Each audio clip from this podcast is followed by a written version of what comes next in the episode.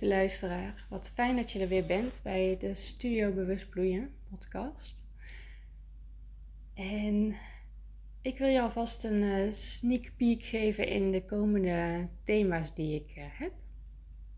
Klaarstaan voor je in het nieuwe jaar. En één daarvan is uh, spelen.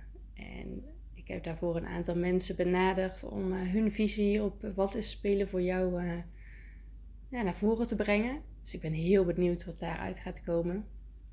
En wat jij daarvan vindt vooral.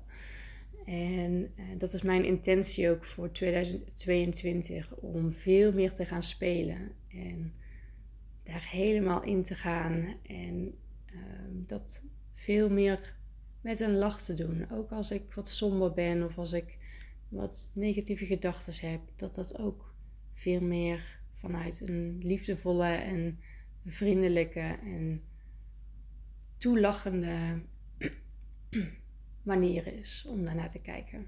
Dus dat is één van de thema's. En een ander thema gaat veel meer over voeden. Dus letterlijk het eten wat we tot ons nemen. En daar heb ik een aantal verschillende mensen voor uitgenodigd. Um, ja, met wie ik dat gesprek aanga en verschillende zienswijzes daarop. En mijn intentie daarin is steeds om daar volledig op ontdekking te gaan wat zij daarmee bedoelen. En daar vooral mijn eigen ideeën van thuis te laten in die gesprekken. Dus uh, ik ben ook benieuwd naar die uitdaging die daarin zit voor mij. Uh, maar de thema's zijn dus daarin uh, ja, verschillende eetgewoonten, eet, ehm, het pure eten en de zienswijze die deze experts daarop hebben.